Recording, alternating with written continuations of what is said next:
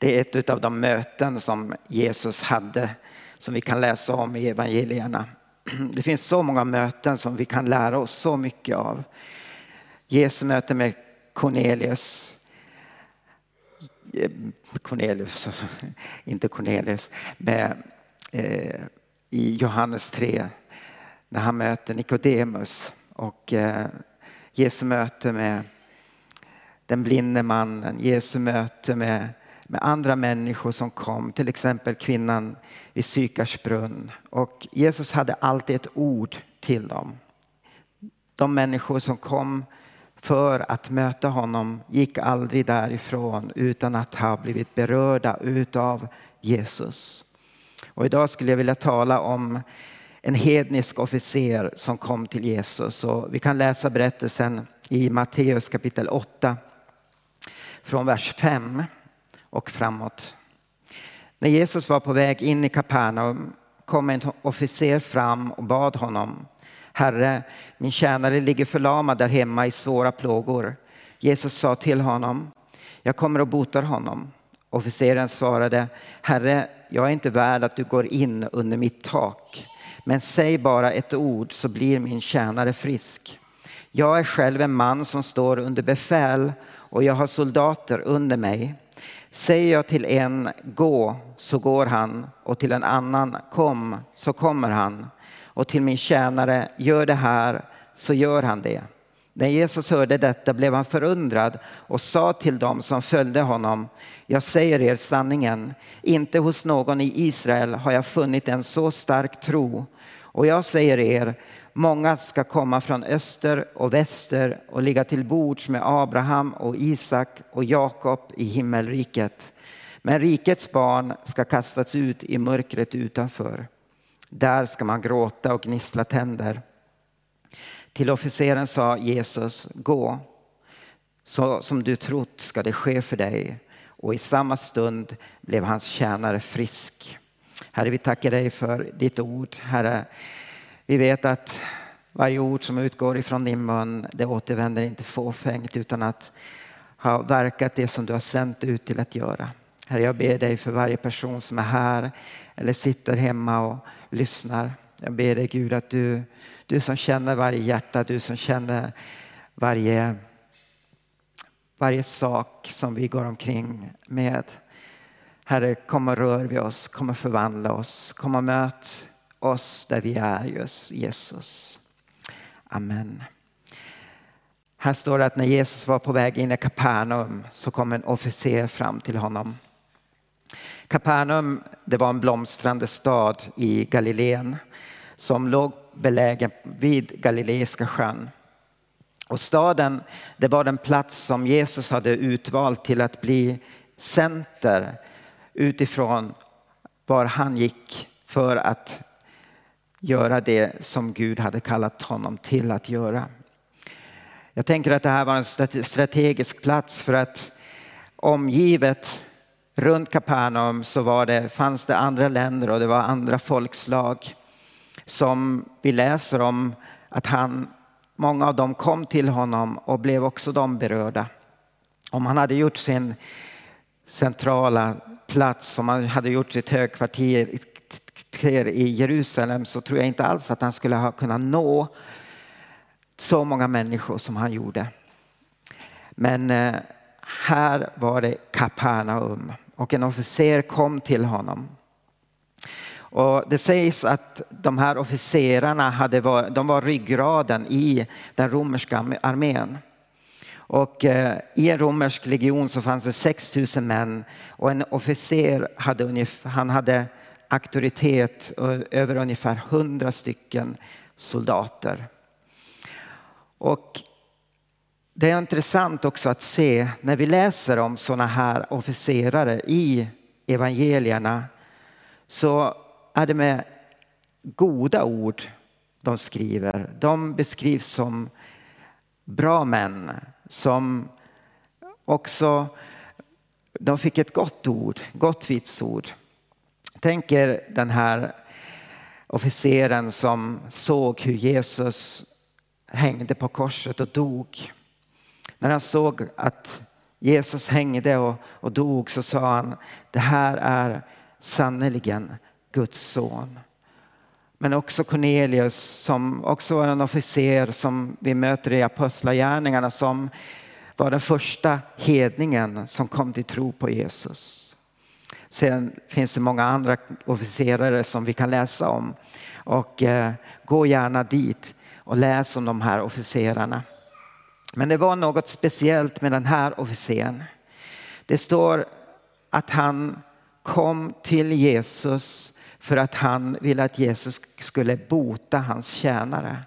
Så hans attityd till sin tjänare, det står även i Lukas evangelium att han uppskattade den här tjänaren. En tjänare i, under den här tiden, det var en slav. Och eh, i vanligtvis så betydde en slav ingenting. Det var inte viktigt om de led och mådde dåligt. För att en slav var inget mer än en sak. De hade inga rättigheter och deras ägare kunde göra vad de ville med dem. Men den här officerens attityd mot sin tjänare visade att, att det var någonting annat med den här officeren. Och den här officeren söker Jesus. Han hade ett behov som gjorde att han kom till Jesus och bad Jesus att bota hans tjänare.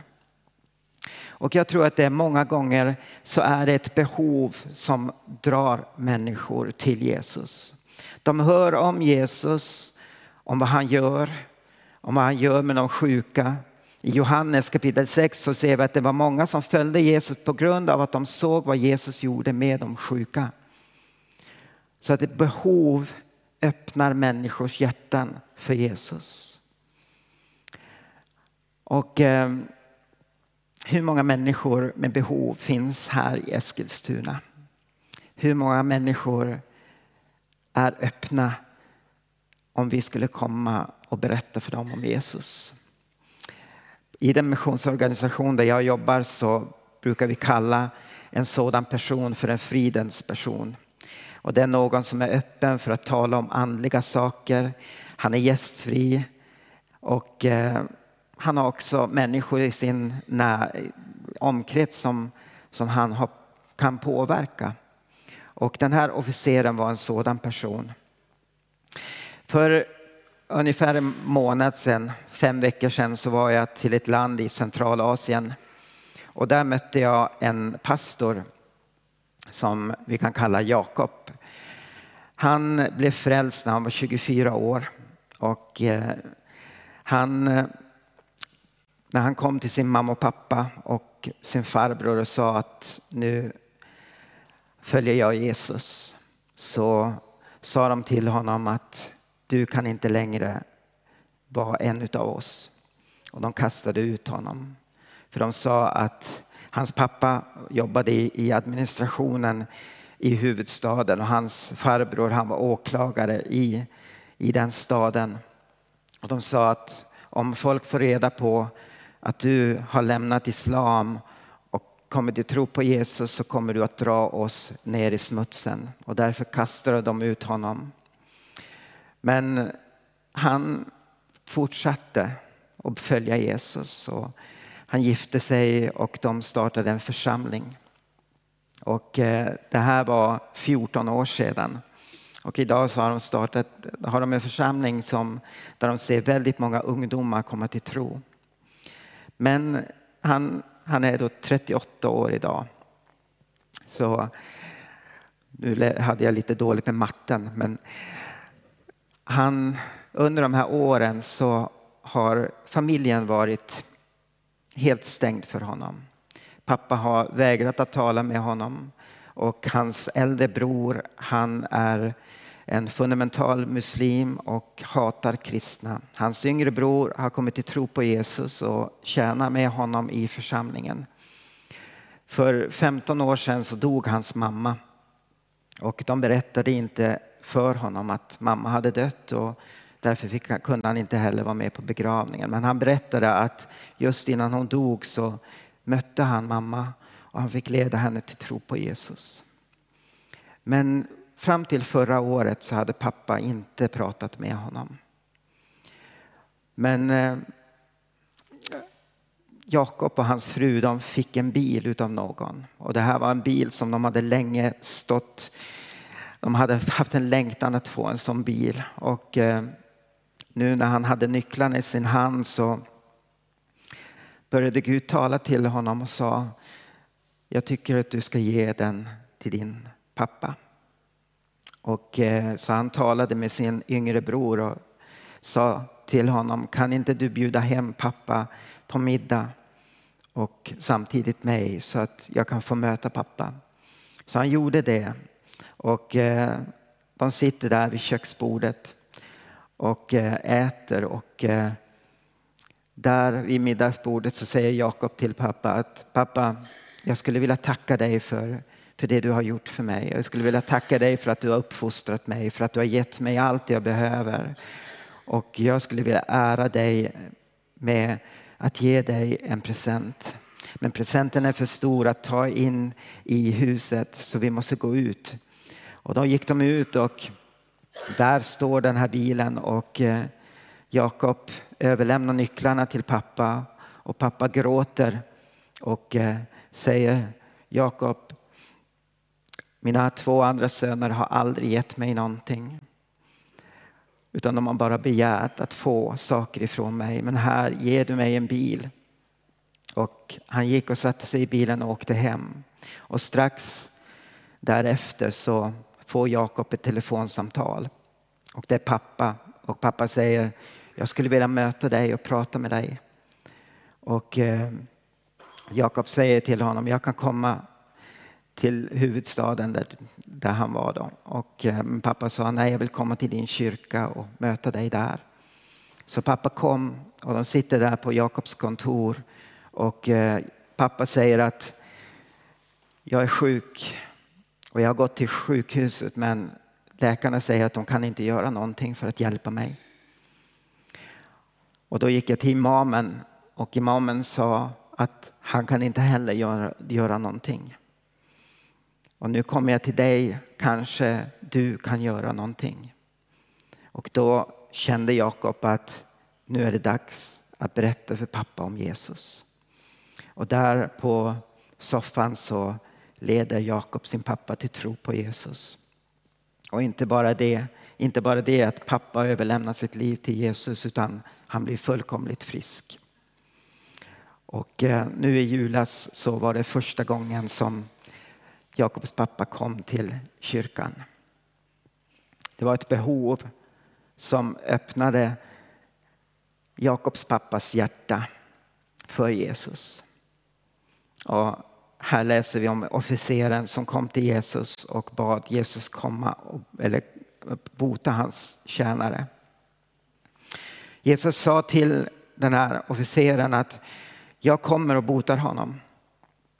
Och eh, då svarade ju officeren att det behövs inte. För att den här officeren han var, han var officer och han visste vad det var att stå under auktoritet men också att ha auktoritet. Och att om, jag säger, om han skulle säga till någon, gör det, så gör han det. Och han visste att Jesus hade den här auktoriteten att säga ett ord och som det han sa skulle det bli så. Och eh, det som är också intressant här är att officeren säger att du behöver inte komma till mig. Och eh, ni vet Mishna som är det är ett skrivet verk som sammanfattar den judiska lagen och den säger så här att hedningarnas boning är oren. Och eh, jag tror att den här lagen om orenhet betydde egentligen ingenting för Jesus. Om officeren hade bett honom komma hem till honom och bota tjänaren så skulle Jesus ha följt med, Jesus, med, med honom. Precis ni kommer ihåg när Jesus möter den där samaritiska kvinnan vid Sykars brunn i Johannes 4. Hon var kvinna och hon var samarit. Och hon, hon var samarier. Och egentligen så skulle inte Jesus prata med henne. Både för att hon var kvinna men också för att hon tillhörde samarierna. Men för Jesus, han brydde sig inte om det. utan han talade med henne och ledde henne till tro på sig själv. Och här, jag tror att Jesus skulle ha följt med den här officeren om han hade bett honom om det. Men officeren han visste, han kände till judisk lag. Han visste att om Jesus hade kommit till honom så skulle han ha fått problem bland fariseerna och judarna.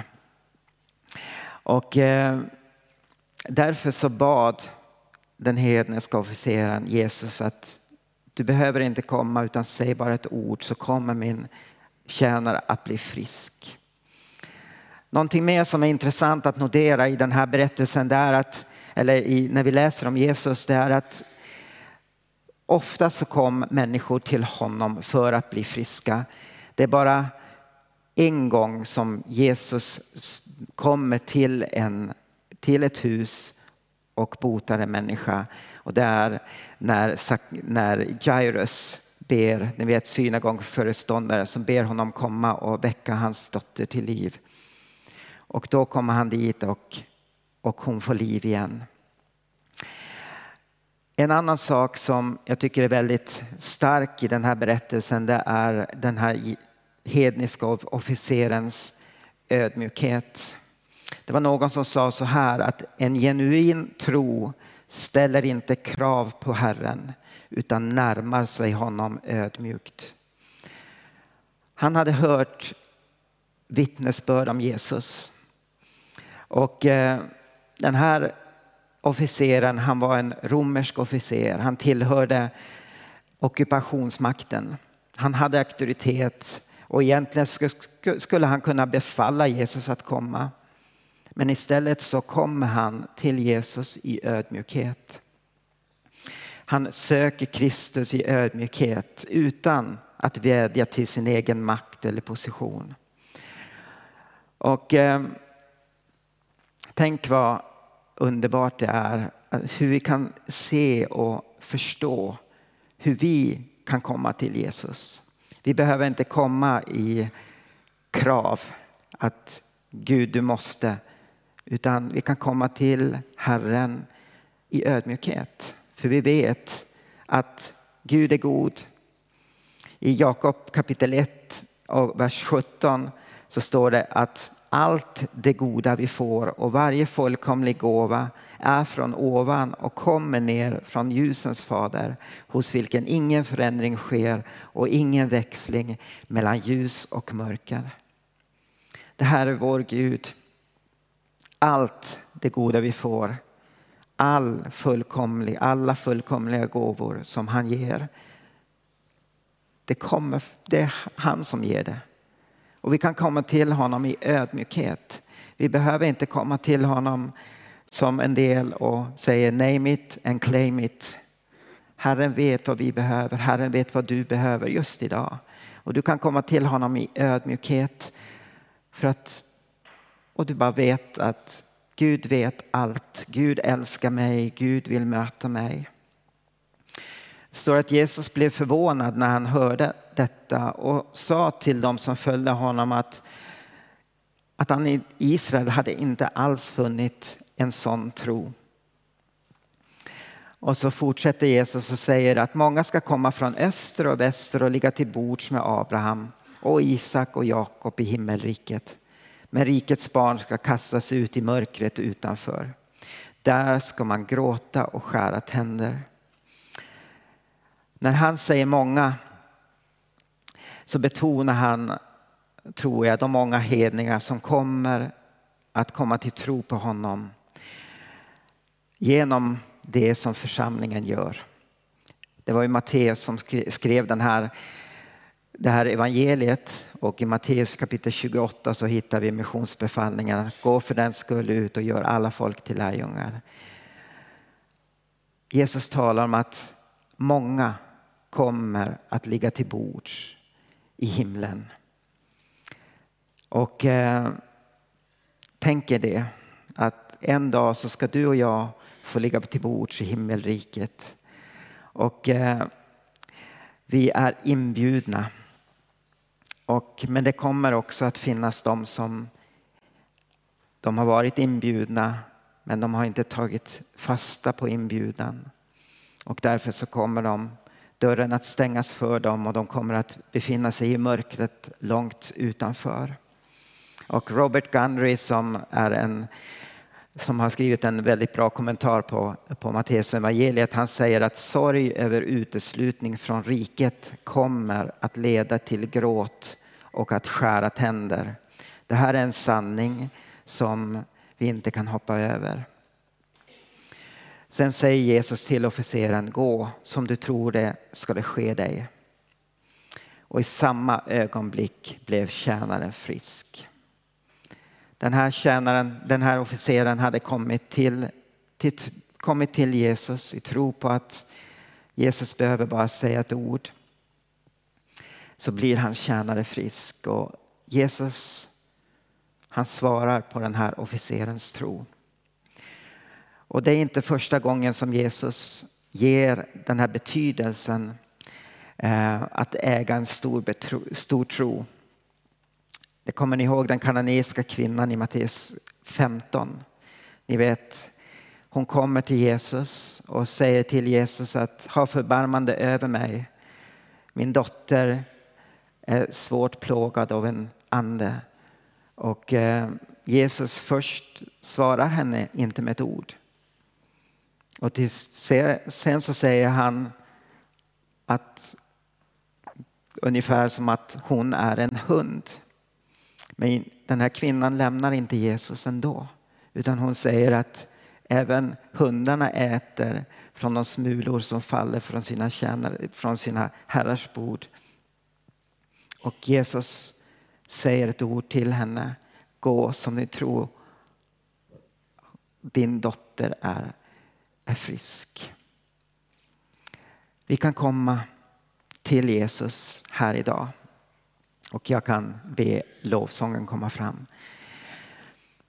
Vi, vi har hört om den här officeren som kom till Jesus. Han kom i tro på att Jesus kunde göra ett under. Och eh, i ödmjukhet bad han Jesus bara att säga ett ord för att hans tjänare skulle bli frisk.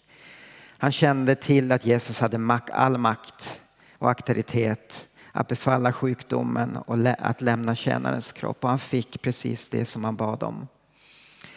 Jesus han har all makt i himlen och på jorden. Och du och jag vi kan komma till Jesus. Jesus är densamma igår, idag, såg till tidens slut. Och eh, jag vet inte vad du har kommit hit idag, vad du bär på. Det kan vara hopplöshet, det kan vara sjukdom, det kan vara annat som håller dig bunden. Men Jesus är här idag. Och eh, Jesus är där du också är, där du sitter hemma vid din skärm. Jesus kan också sätta dig fri från ångest.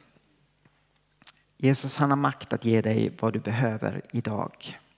Så kom till Jesus precis som den här officeren. Vi kommer att nu ha en tid utav förbön. Och eh, under tiden att vi, vi sjunger så, så finns det plats för dig där i sidosalen. Det finns människor som vill be för dig. Och det spelar ingen roll vilket behov du har. Kanske du ännu inte känner Jesus och du vill komma till honom och ge ditt liv till honom. Kom också då.